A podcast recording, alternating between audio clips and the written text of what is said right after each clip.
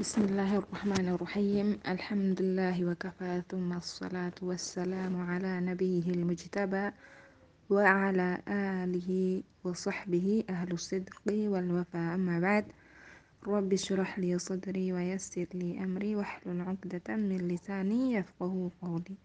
ربنا زدنا علما وارزقنا فهما. آمين. Baik anak-anakku salihah semuanya, nggak kerasa ya kita sudah sampai di penghujung pekan ya. Yaitu di hari Jumat hari yang penuh keberkahan. Allahumma salli wa sallim ala nabiyyina Muhammad. Baik anak-anakku, malam ini kita ketemu lagi dengan uh, tema kisah uh, Utsman radhiyallahu anhu dan pemilik sumur ya. Dan pemilik sumurnya itu adalah orang Yahudi.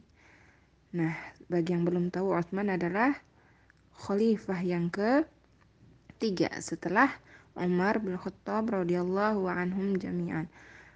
Hmm, dan beliau juga adalah seorang mantu dari Nabi Muhammad sallallahu alaihi wasallam. Baik anak-anakku, setelah melihat video di atas, apa yang bisa kita petik? Ya, Ustazah ringkas ya, hikmah di balik kisah tersebut ya. Pertama adalah kita harus meneladani sifat Utsman radhiyallahu anhu dalam apa? Dalam bersedekah, dalam membantu umat muslim, ya. Dalam menjalankan perintah Allah. Apa perintah Allah? Bersedekah. Apa perintah Rasulnya? Bersedekah. Dan apa yang Utsman lakukan? Beliau melakukan semuanya ya.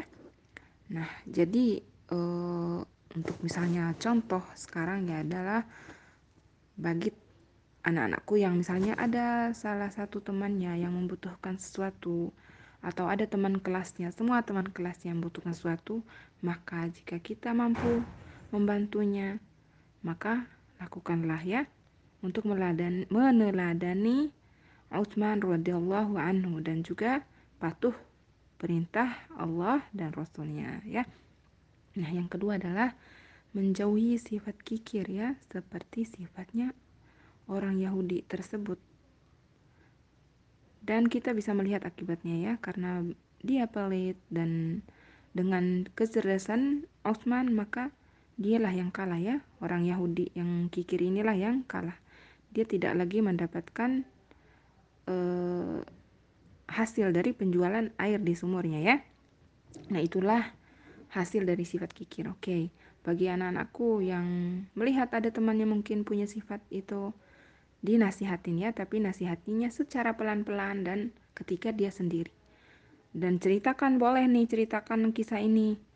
Kamu tahu nggak sih kalau pelit itu nanti seperti orang kikir di zaman Usman gitu? Dia nggak dapat apa-apa akhirnya ya. Nah ee, berikutnya adalah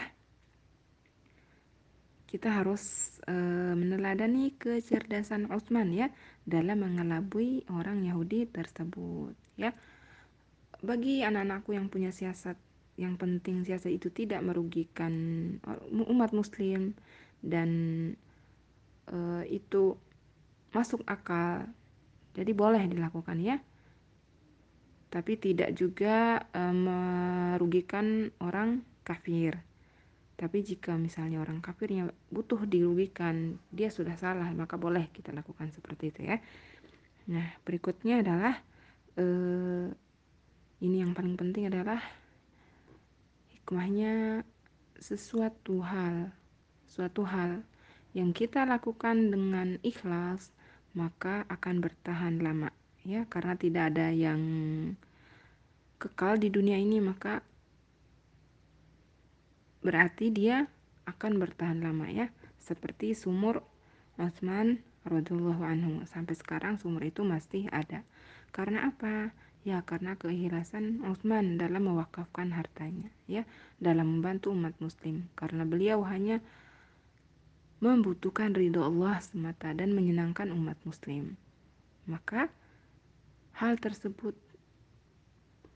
bertahan lama ya Nah, sampai di sini saja ya anak-anakku. Semoga kita bisa mengambil hikmah dari kisah tersebut dan kita dijauhkan dari sifat kikir. Allahumma amin. Selamat berakhir pekan. Insya Allah ketemu lagi di hari Senin ya. Jaga kesehatan dan semangat belajarnya bagi yang ujian. Sampai di sini dulu. Subhanakallahumma bihamdika asyhadu an la ilaha illa anta astaghfiruka wa atubu ilaik. Assalamualaikum warahmatullahi wabarakatuh.